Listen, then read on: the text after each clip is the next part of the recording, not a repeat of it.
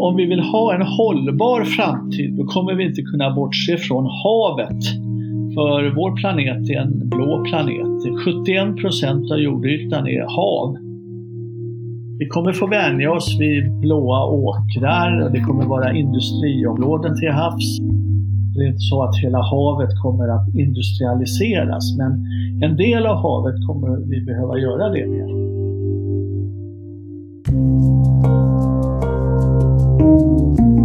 Välkommen till podden Framtidsland. Jag heter Toril Kornfeldt. Och jag, Tobias Abrahamsson. Vi är här med Fredrik Gröndahl. Välkommen hit Fredrik! Vad roligt att du är med oss. Ja, tack! Väldigt kul att få vara med. Superkul att ha dig här. Du är, um, du är på KTH, du är hållbarhetsforskare, uh, du är på Institutionen för hållbar utveckling, miljövetenskap och teknik. Eh, och jag tänker framförallt, eh, så som jag känner till din forskning lite sen innan, så håller du på att jobba med, med alger på olika sätt. Eh, kan du berätta, vad är, vad är det du eh, gör? Ja, jo, men jag jobbar med alger. Jag har en bakgrund inom det marina, så jag är marin forskare med marinekologi och oceanografi och har jobbat marint hela mitt liv egentligen. Och en gång för länge, länge sedan när jag var ung doktorand så höll jag på att odla alger i Sverige på västkusten med en speciell teknik då. Vi jobbade med alger. Och sen, ja, så var det inte så mycket mer med det. Sen började jag jobba på KTH och där har jag jobbat i många år med att utbilda blivande civilingenjörer i hållbarhet, precis som du säger. Att förstå att eh, ja, även som ingenjör så har man ett ansvar för det man gör och att man ska hela tiden tänka på hållbarhet i sitt, sin roll som ingenjör då. Så det har jag jobbat med och då har vi också utvecklat på forskningssidan då hur man värderar olika saker utifrån hållbarhet. Det kan vara naturvetenskapliga saker som ekologiska problem men också socioekonomiska saker och sociala bitar. Så har vi jobbat med det länge på vår institution. Men sen så för ett, eh, ett antal år sedan så började jag med alger igen av en händelse för vi fick för oss att vi skulle plocka upp alger ifrån havet och ta upp dem, de här blommande algerna då. Så tillsammans med en gammal ingenjör som jag kände så tog vi fram ett koncept där vi började tråla upp de här algerna. Och sen ville vi ju göra någonting med dem då och då tyckte vi att man kunde göra biogas. Det var en lätt lösning på det. Och sen hörde man av sig från Trelleborgs kommun och där har de väldigt stora problem med alger som kommer upp på stränderna. Stora alger, röda och det luktar illa och man vill inte gärna bo där eller bada. Och då frågade de mig om vi kunde använda den här tekniken som jag hade haft för de här små cyanobakterierna då eh, för att ta upp de här röda algerna då som, som strandade. Så ja, men det kan vi väl göra. Och så sökte vi lite pengar för det här, fick ett forskningsprojekt. Och här var det också städa stranden, ta upp algerna, göra biogas. och det här tittade vi också på, vad var värdet för kommunen att göra det här? Och så såg vi att markpriser gick upp och det hade väldigt positiva effekter av att göra detta. Och då började vi tänka vidare och då var det så att jag började fundera på, skulle man inte kunna odla algerna? För då slipper man ju sand och sådana här saker och an andra problem med de här vilda algerna som man bara plockar upp. Och då tog jag kontakt med mina gamla kollegor vid Göteborgs universitet och på Chalmers och eh, på KTH. Och så drog vi ihop ett projekt som hette Sea Farm som gick ut på att man skulle odla alger i svenska vatten, eh, se hur man kan förvara algbiomassan sen, frysa det, torka det och så vidare. Och sen hur det här kunde gå in i något som vi kallar för bioraffinaderier då. Och där ligger de här bioraffinaderierna på delvis på Chalmers som jobbar med livsmedelsteknik som inte vi gör på KTH. Så vi var tvungna att ha Chalmers kompetens där. Och sen den andra biten var att göra smarta biobaserade material. Och det var vi väldigt duktiga på på KTH. Så där samarbetade vi med polymerkemisterna på KTH då. Och sen när vi hade plockat ut allt de här spännande sakerna från den här algbiomassan i bioraffinaderiet så var det en restprodukt som vi tittade på möjligheter att använda det för odling som gödsel eller att göra biogas på det. Vi slöt så att säga kretsloppet. Och sen den forskargrupp som jag leder då på SID då som vår institution kallas kortnamn. Där jobbar vi just med hållbarhetsvärderingar så vi ville studera hela det här kretsloppet och se om det var hållbart eller inte. Och det här har faktiskt gjort nu att vi började 2014 med detta och nu har vi ett antal företag som har spunnit loss från den här forskningen och kommersiellt odlar alger i våra svenska vatten idag. Det är ett jättespännande projekt verkligen. Eh, hur, du nämnde att ni liksom plockar ut ämnen till olika saker innan det blir gödsel eller går till biogas eller så. Här. Vad är det för, för typ av ämnen ni plockar ut och vad hoppas ni att det blir av för produkter utav dem? Ja, vi, vi odlar algerna och då var den lägst hängande frukten här, det var ju att man också började laga mat med alger.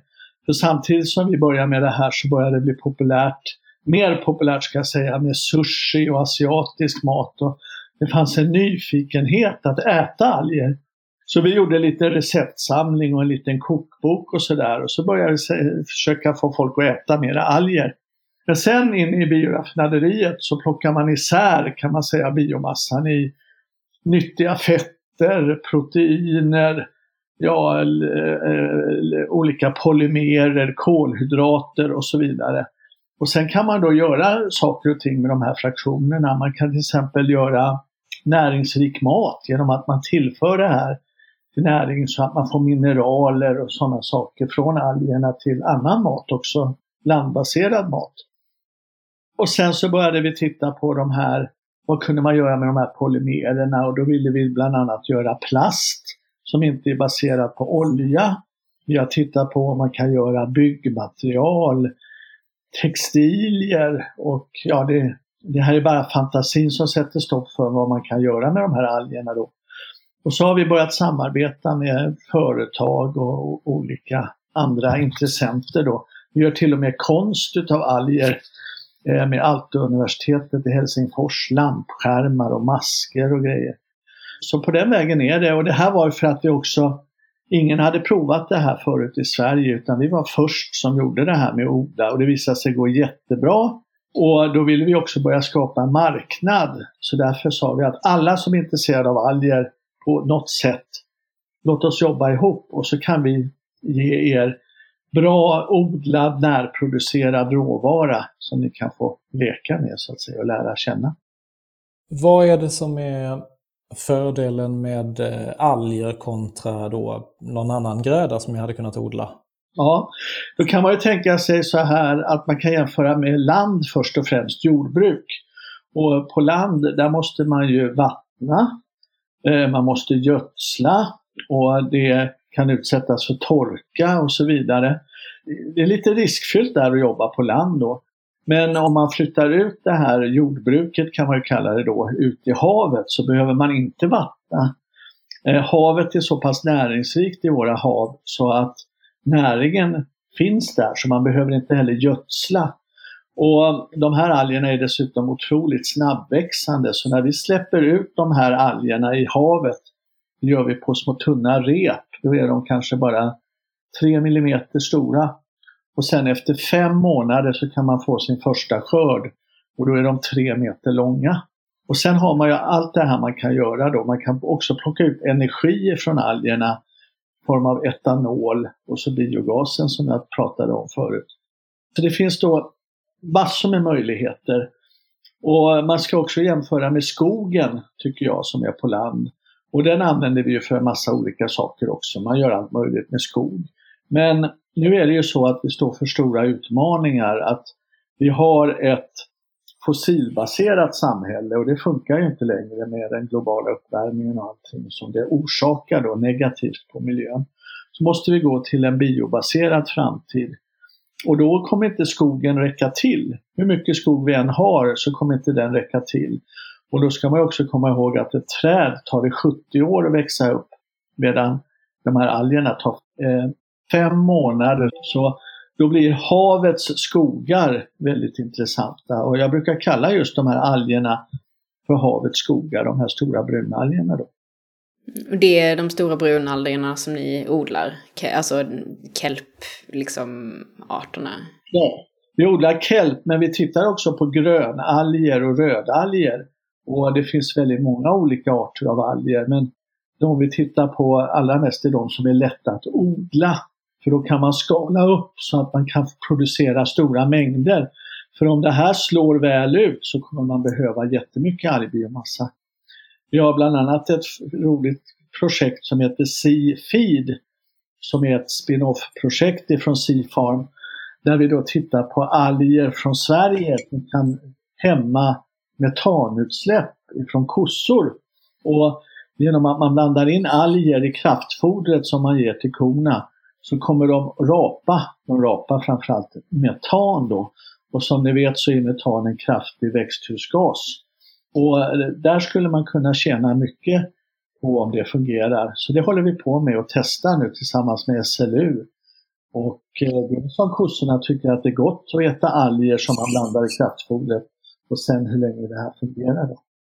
Så att jag eh, hänger med nu. De här algerna som du pratar om, är det då eh, ja, det, dels de här med korna, men, men de, de du pratade om i början som kunde användas till många olika saker. Är det då att ni har olika sorter eller är det liksom en superalg som går att göra till så mycket? Ja, det är olika arter. Fast sen bland de här arterna så finns det vissa som är väldigt lättodlade och blir en sån superalg kan du kalla det. Bland annat en som heter sockertång då. Eh, och den används väldigt mycket för mat och kommer också i Asien. En släkting till vår sockertång som heter japansk sockertång då. Eh, och den har vi tittat extra mycket på för den växer jättebra. Men eh, sen de här grönalgerna och det finns rödalger så vi tittar på ja, flera olika arter och de har ju olika egenskaper. De är som en egen liten kemisk fabrik. Och det här har vi nu precis börjat med så att det finns ju väldigt mycket att lära. Och det säger våra polymerkemister när man jobbar med trän från skogen. Då är ju de mer eller mindre samma kemi i dem hela tiden. Men algerna är, varje art har sin unika sammansättning då. spännande. Och ni odlar mest på västkusten för att salthalten spelar roll, antar jag? Eller hur ser det ut med Östersjön här? Jo men det är bra. Alltså vi odlar mest på västkusten och salthalten spelar ju roll för det finns fler arter och de blir större och växer fortare och så på grund av salthalten. Men vi har faktiskt projekt i Östersjön också. Och där tittar vi bland annat på en del grönalger som vi odlar som är väldigt smakrika. Och det är framförallt för att använda i mat då. Och en art som finns i, trivs i bräckt vatten det är något som heter rörhinna eller tarmtång heter den egentligen på svenska. Och det här är något som eh, kockarna kallar för havets tryffel. Att det är en sån här delikatess då. Och den har vi tittat in på odla bland annat på Gotland. Men jag måste bara fråga om Östersjön. Eh, det är ju en rekommendation att inte äta fisk från Östersjön i princip överhuvudtaget om man är som jag, det vill säga kvinna i fertil ålder. Är de problemen mindre när det gäller alger? Ja, det är de. Dels är det så, det, det gäller ju generellt även på land, att växter, de är, det är en väldigt stor biomassa och föroreningar späs ut i den här biomassan. Så växter har generellt mycket lägre halter miljögifter än när man är högre upp i näringskedjan så att säga. Eh, så att det, vi har alltså inte den typen av problem med alger. Men däremot såklart om man odlar alger i en hamnbassäng eller på ett ställe där det kommer ut massa tungmetaller, då blir det ett problem som kan vara problematiskt. Och det är samma på land. Vi odlar inte gärna grönsaker i Stockholms stad för nästan all mark runt stan där är förorenad. Där vill man inte odla sina grönsaker helt enkelt. Men i Eh, någonstans förstår jag att tanken finns att eh, alger kan vara en del av att, man har en, att vi har liksom en biologisk ekonomi istället. Det är liksom där du ser effekten här. Är, det, eh, är utmaningen att så att säga odla dem i tillräckligt stor mängd eller finns utmaningen i hur man sen utvinner eh, kemikalier ur dem eller både och? Eller hur, hur, hur ser utmaningen ut? Ja, det är utmaningar såklart. Alger är mycket vatten innehåller de så att torka stora mängder alger är en utmaning och där försöker vi ju då jobba med att hitta olika möjligheter att torka. Vi använder faktiskt att lufttorka dem under eh, ett växthustält kan man säga, där de då torkar, har vi visat sig. Och då tillför man ju ingen energi då. Och sen kan man göra det en liten eftertorkning inomhus då. Eh, men där är en utmaning att torka mycket, eh, bort mycket vatten ifrån algerna. Men sen är det ju också att säkerställa produktionen. För jag brukar säga att vi har haft en liten samtal med vårt stora eh, möbelvaruhus IKEA. Och de har ju sina restauranger då. Och där rullar de en miljard köttbullar varje år. Det här är den sjätte största restaurangkedjan i världen och det är bara en bisyssla för dem. Och säg nu här att de skulle vilja blanda in lite alger i sina köttbullar. Och när man börjar skala upp det här så blir det enormt mycket alger man måste odla. Och för att det här nu ska gå från att eh, vara mera på labbnivå och där man kan få ut det här och göra det i stor skala. Då måste man ja, dels skala upp odlingarna och sen kunna hantera den här och säkerställa en kontinuerlig produktion utav alger. Då.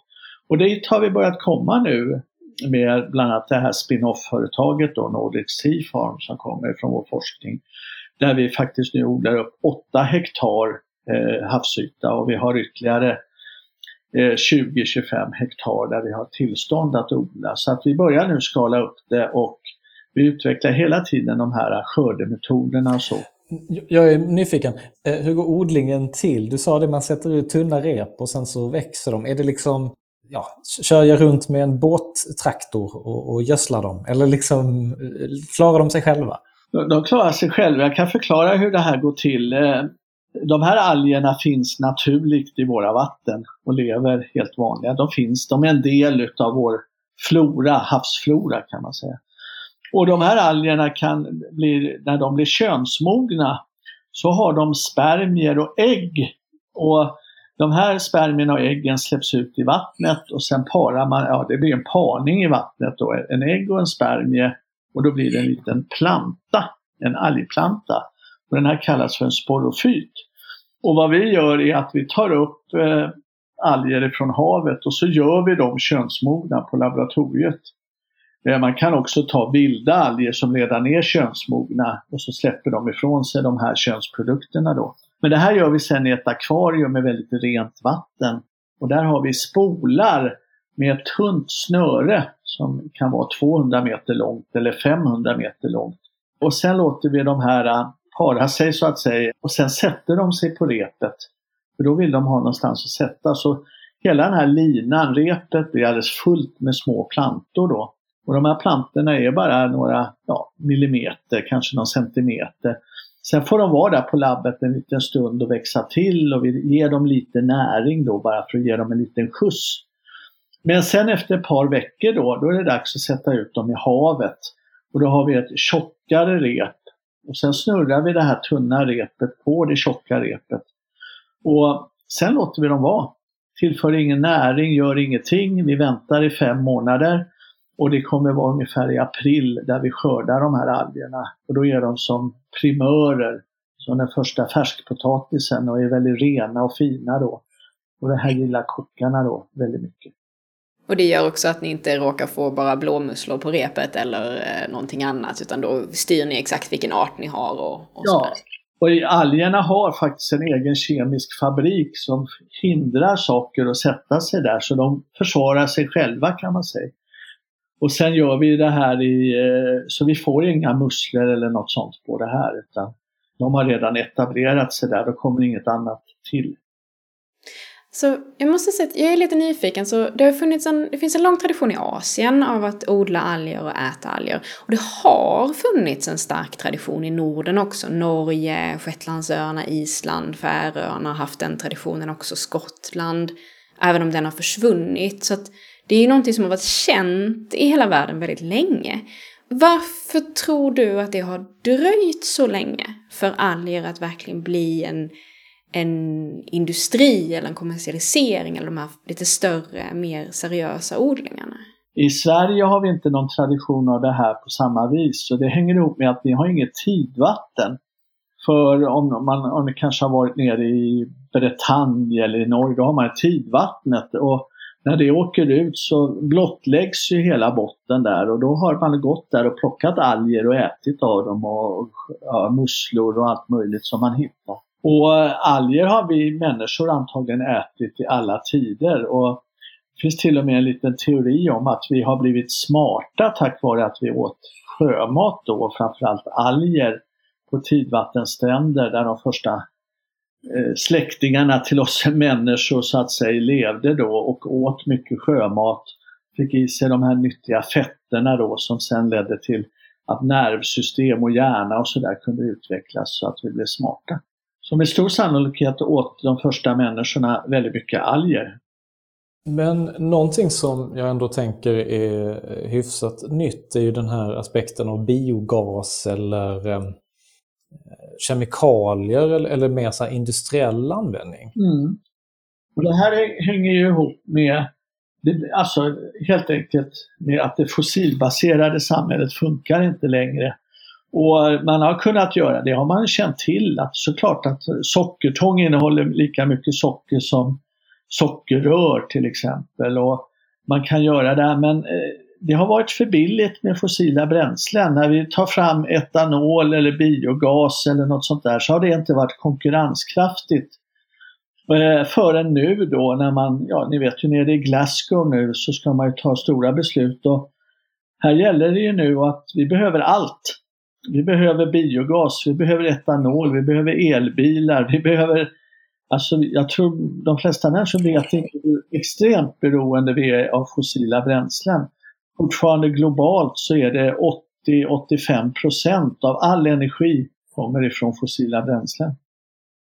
Eh, från alger kan du göra etanol och det är till och med i USA på, från mikroalger som har väldigt hög fetthalt så har man tagit fram flygbränsle och flugit plan på alger. Det är bara det att det här är mycket dyrare än vad den traditionella flygbränslet är då. Men Detsamma, gör du en plast utav en alg så kommer det vara en plast, en riktig plast. Eh, men den är inte fossilbaserad och eh, också produktionen av alger är mindre energikrävande än vad den eh, traditionella produktionen på land är till exempel. Ja, för jag tänkte på det.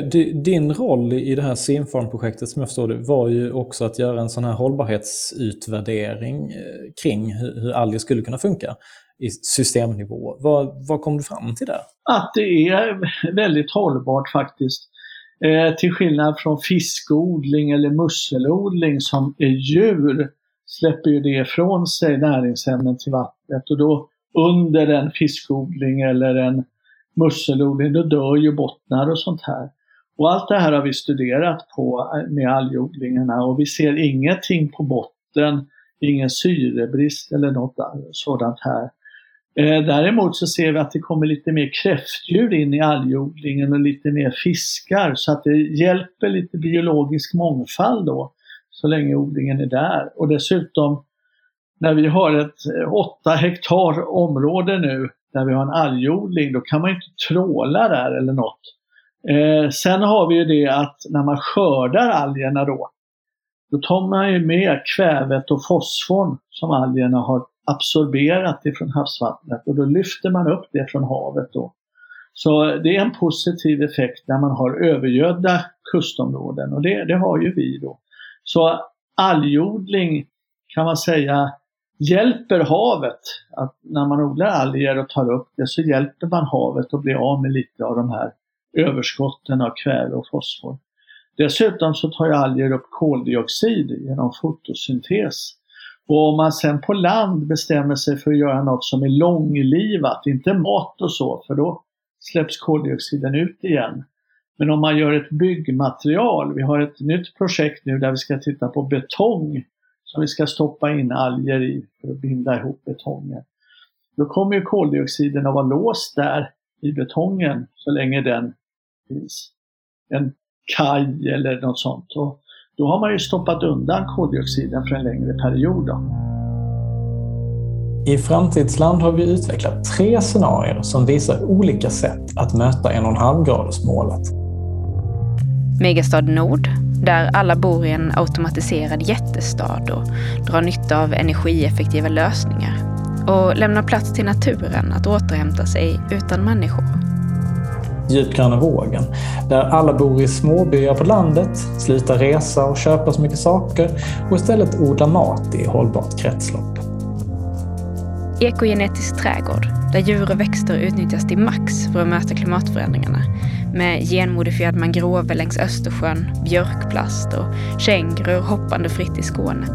Längre beskrivningar finns på framtidsland.se.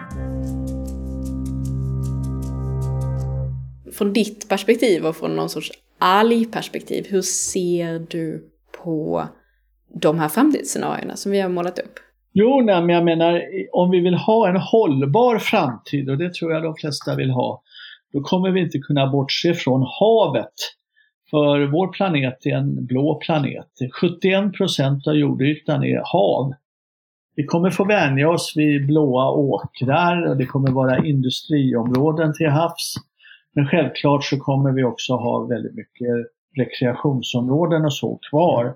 Så det är inte så att hela havet kommer att industrialiseras men en del av havet kommer vi behöva göra det med för att klara av 11 miljarder människor eller vad vi nu kommer att bli om 50 år eller så. För jag funderar på eh, ett av våra scenarion, eh, den ekogenetiska trädgården, bygger ju väldigt mycket på den här idén om att använda biologi, biologiskt material på olika sätt för att ganska rakt av ersätta där vi använder fossila bränslen idag. Om vi skulle skapa en värld där vi verkligen satsade på en industrialisering av havet, hur mycket av dagens fossila energi och material tror du vi skulle kunna ersätta med hjälp av alger? Alltså det, det har man gjort såklart beräkningar på och sådär så att allt egentligen skulle man kunna göra det på en relativt liten yta. Men det är klart att det är ändå ett stort, jättestort projekt. Men eh, det här har man gjort. Man har bland annat tittat i Norge som har väldigt bra förutsättningar för det här och att så har man lagt ut en liten havsyta där. Det är i och för sig en ganska stor yta men det här skulle kunna täcka hela Norges behov av eh, till exempel bränslen och så vidare. Så att sådana studier har gjorts och eh, man skulle kunna göra väldigt, väldigt mycket på havet. Men sen är det ju havet speciellt för att det blåser på havet och det är vågor och Eh, vi måste också lära oss att vara där ute och jobba. Och vi är ju väldigt väderberoende i algodling när vi åker ut dit att det måste vara lugna dagar när vi skördar algerna och när vi sätter ut dem. Men däremellan får det gärna blåsa. Så eh, vi är väderberoende, men det är ju även en vanlig bonde är ju väderberoende kan man ju säga. Vad vi jobbar med på KTH det är att vi utvecklar nu undervattensrobotar i ett projekt som eh, eh där vi bland annat tar fram en robot eh, som ska kunna vara en inspektionsrobot i framtidens algodlingar ute till havs då.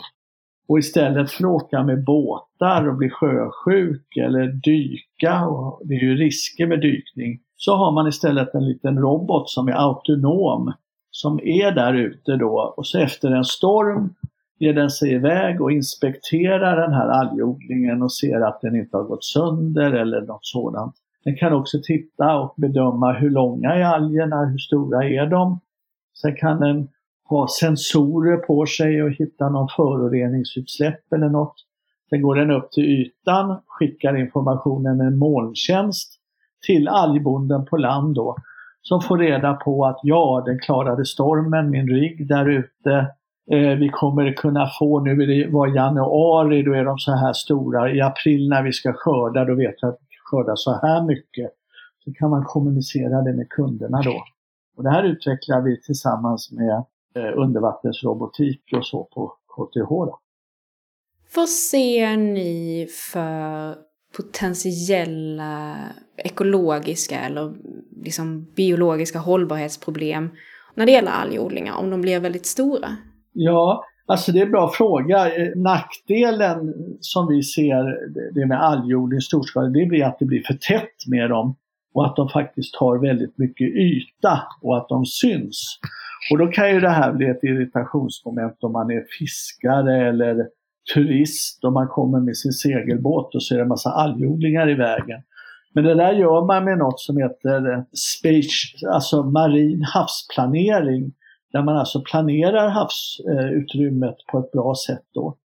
Eh, vi har pratat väldigt mycket om i ett projekt som vi har att man skulle kunna ha vindkraft tillsammans med algodlingar. För om man bygger en vindkraftspark ute på ett eh, havsområde så kan man samtidigt ha algodling där. Och då använder man det till två nyttiga saker på samma yta då.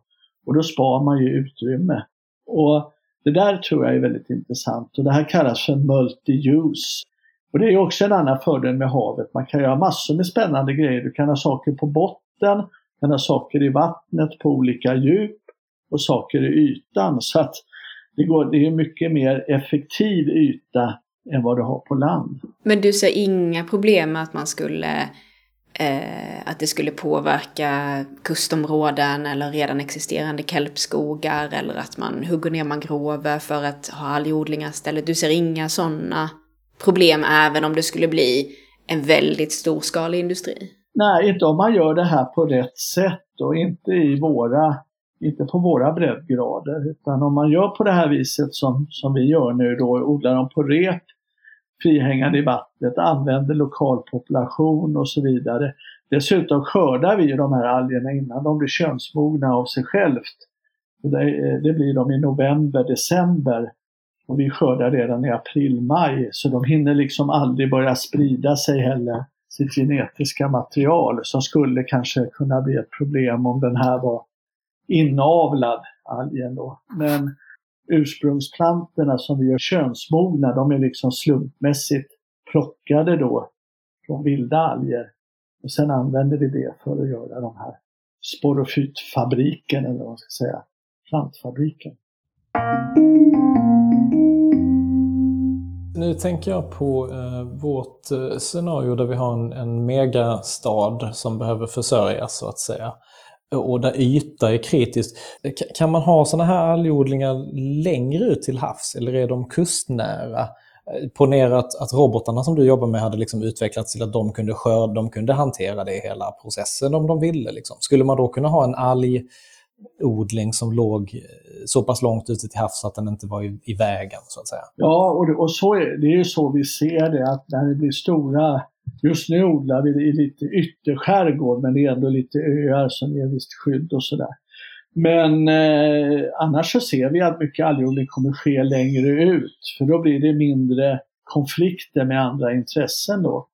Så eh, det kan man mycket väl tänka sig och det går att göra. Vi har varit på Färöarna och tittat på algodling där och där är det ju hur mycket vågor och grejer som helst. Det är väldigt exponerat. Och så blir det aldrig i Sverige som, som det är på Färöarna. Så att vi skulle mycket väl kunna odla väldigt långt ut, eh, ja, nära vår territorialgräns så att säga. Eh, så där kan nog komma att bli anläggningar framöver. Och då är det ännu viktigare med roboten som då behöver man inte åka ut dit och sådär utan då kan de övervaka den här odlingen. Hur ser möjligheterna ut om man skulle gå åt helt andra hållet? För det, det som du beskriver här är ju en rätt så industriell typ av eh, havsbruk, eller blå åkrar pratar de om. Eh, sådär. Om, om vi, vi har ju en scenario vi tänker oss där det liksom är väldigt mycket mer lokal produktion av mat, liksom arbetsintensivt, mer mänskligt så, om vi skulle välja att, att gå det hållet som samhälle. Skulle jag kunna ha min egen algodling? Eller i byn? Eller vad tror du om det? Ja, men det, det gör vi i vårt spin-off-företag som heter Nordic Sea Farm. Där har vi redan gjort så att vi hjälper, vi har kontraktsodling kan man säga. Så vi har till exempel eh, ett kvinnokollektiv på Öckerö som odlar alger då. Då har vi hjälpt dem med, så här ska en rigg se ut och så får de köpa de här insådda linorna då och placera ut. Och det här är ju då, de gör ju det för ja, husbehov eller för ett, en liten försäljning så att det finns ett jättestort intresse för det här lite lokala, en bisyssla för en eh, havskräftsfiskare eller en hummerfiskare att odla lite alger och tjäna lite extra på. Och vi erbjuder ju då den här tjänsten med just insådda rep, för det är det svåra kan man säga med algodling. När det väl växer där ute, då gör man ju ingenting, utan det svåra är ju att få ut de här, de här repen. Så um, det gör vi redan. Så det blir ju småskaligt. Sen kommer vi behöva, speciellt om alger kommer användas mer för material och sådana saker, då behövs det ju väldigt mycket biomassa. Det är ju bara alltså, så. Precis som vi behöver väldigt mycket skog för att klara av allt som skogen ska ha. Så att, eh, ja, och, och ska vi ersätta fossila bränslen då, då, krävs det mycket. Det är en enorm uppskalning som behövs på, på den biobaserade sidan. Det är ju tyvärr så då. Och det är ju på grund av att det är väldigt, väldigt mycket människor på planeten. Finns det något som du är riktigt rädd för skulle hända? Vad, vad, vad skulle vara det värsta som kunde hända? I, när det gäller liksom den här större frågan om hur vi, använder, hur vi kan använda havet bättre? Ja, det är ju att vi fortsätter att förorena havet och jag menar eh, koldioxid som ni vet löses ju i havet och gör det bildas något som kallas för havsförsurning som har en negativ effekt på alla skalbärande djur för att det blir svårare att, för djuren att göra kalkskelett då när det kommer en massa vätejoner i vattnet genom att koldioxid löses i havet och blir kolsyra och sen faller sönder. Och Dessutom så blir det ju varmare i haven så många hav är ju utsatta för klimatomvandling precis som på land. Och även i Sverige har våra havstemperaturer ökat med en grad. Och det här är ju förstås hot mot allt det här jag pratar om då. Eh, nu tror jag att de hoten är störst då där man ligger på gränsen. Till exempel de här stora brunalgerna som jag pratade om, de går ner till Galicien ungefär, norra Portugal i Atlanten. Men längre söderut är det för varmt i vattnet för dem. De är kallvattenarter då. Och det är klart att börjar havet bli varmt så kommer den där skjutas lite norrut. Men här i Sverige är det tillräckligt kallt. På vintern blir det, och kommer alltid att vara kallt på vintern. Eh, så haven går ju ändå ner mot eh, lämpliga temperaturer då. Så det är långt ifrån att det skulle hota just den här utvecklingen när det gäller temperaturökning. Då. Sen är det miljögifter och allt det andra som vi människor släpper ut. Och det är klart, det tas ju upp i, av alger om det släpps ut. Och det kan ju vara ett hot såklart. Men eh, där måste vi jobba med att stoppa det. Jag har en, en eh, fråga från ett helt annat håll, Fredrik, som är att vi har ju i, i det här projektet Framtidsland så har vi liksom tanken om att eh, fantasi och föreställningsförmåga för hur framtiden kan bli är liksom viktigt för att vi ska kunna också göra val till och från vilket håll vi vill på. Håller du med om det och hur, hur resonerar ni om sådana eh, frågor när ni jobbar med det här som ändå är väldigt så framtiden?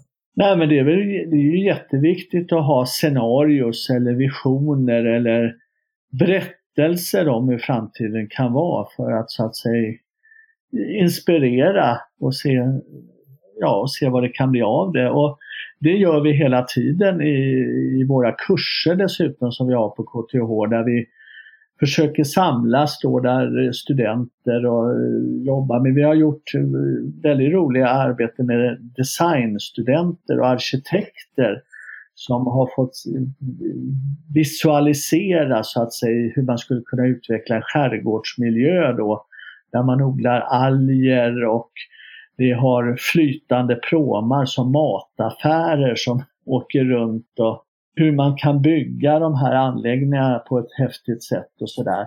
Den typen av saker gör vi.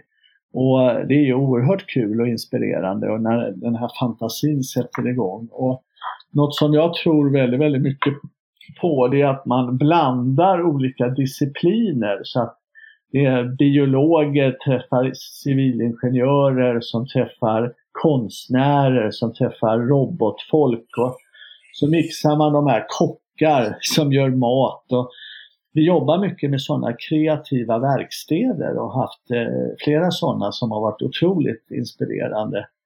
Ja, och ibland är det galna idéer och vilda idéer men jag menar tillsammans här så får man fram fantastiska resultat. Så det, det, är väldigt roligt. Kul. Mm. Är det, om du kollade lite, lite snabbt på våra scenarierna, är det något av dem som du skulle trivas bättre i? Något som du skulle tycka var trevligare om de blev... Eh, om du var tvungen att välja ett av dem och faktiskt leva i i slutet på århundradet? Ja, men då, då, då var det ju det mittersta där som jag vurmar för mest. Jag tror inte på den där genetiska saken och jag tror inte på megastad. Jag har varit i många städer i världen. Det är otroligt deprimerande eh, Shanghai och de här stora kinesiska städerna. Jag skulle, jag skulle inte bo där ens om jag fick betalt. Eh, så eh, jag tror nog på det där eh, mittscenariot där att lokalt, men det behöver inte innebära hårt arbete eller att man går tillbaks till 1800-talet eller något sånt här. Varför kan man inte bedriva det eh, lokala med modern teknik och göra det bekvämt. Det är jag alldeles övertygad om. Så det behöver inte vara teknikfientligt bara för att man bor på landet. Nej, vi tänker oss väl kanske primärt att det är eh, att det sättet man har löst klimatförändringarna där handlar mycket om att man minskar på konsumtionen och då får man också en förlängning, en, en del minskning av vilka, vilken, till exempel vilken teknologi man har tillgång till. Ja, jo, kanske. Men vi människor vi gillar ju faktiskt eh, lite konsumtion också så att vi tycker det är kul. Så att, ja. Vi kommer nog eftersträva det men det gäller ju att den här produktionen är, är på... Hela tiden måste man tänka hållbarhet med allt vi gör. Och det måste ju bli något som är ryggmärgen i det framtida samhället. Det är ju att inte ekonomi alltid utan också hållbarhet är ju faktiskt eh, primära. Hur påverkar det här nu atmosfär och biologisk mångfald och de här grundläggande sakerna vi har för att kunna överleva på den här jorden? Då? Om någon som har lyssnat är supernyfiken antingen på era projekt eller bara för att få reda på mer om hur man kan använda alger på nya sätt, vart ska man, vart ska man vända sig då? Ja, men ett sätt att vända sig på det är att man kan titta på, vi har en hemsida som heter seafarm.se, väldigt enkel. Och där kan man se väldigt mycket av publikationer och sånt som vi har gjort. Och nu uppdaterar vi inte så mycket med nya grejer för vi har avrundat det där projektet. Men den, den finns där och kan ge en, en ingång. Sen har vi fått ett stort nytt projekt då som heter Blå mat eller Sjömatcentrum för framtiden då som ligger på KTH och det heter bluefoods.se eh, då. Där ska vi jobba just med sjömat inklusive alger under de åtta år framåt i tiden här. Och eh, det ultimata där är att få svenska folket att äta mer sjömat, mer hälsosam mat, skapa bättre självförsörjning av sjömat i Sverige så att vi blir mer självförsörjande. För det har vi ju lärt oss nu under den här pandemin att det här globaliseringen funkar ju sådär då när det blir pandemi. Då börjar ju alla tänka på sig själv och då och man har byggt upp ett system där man filear fisk nere i Kina och skickar hem med flyg. Alltså det blir massa sådana här konstiga grejer då. Vi behöver ha en viss marginal och säkerhet i vår egen livsmedelsförsörjning och sådana saker tittar vi på inom blå mat då. Så det kan vara kul kanske för en del att titta på det. Spännande! Sen kommer det mer och mer ja, kokböcker och grejer nu. Jag vet att en eh, kollega till oss har kommer en kokbok i höst här om alger bland annat och strandväxter där man kan laga mat och inspireras och man tycker det är kul. Så att, ja, det kanske var lite tips. Superspännande! Verkligen! Jätteintressant. Verkligen. Tack så jättemycket Fredrik för att du har tagit dig tid att prata med oss. Ja, tack för det. Ja, och tack för att jag fick vara med och svamla. det är superspännande, verkligen. Jätteintressant.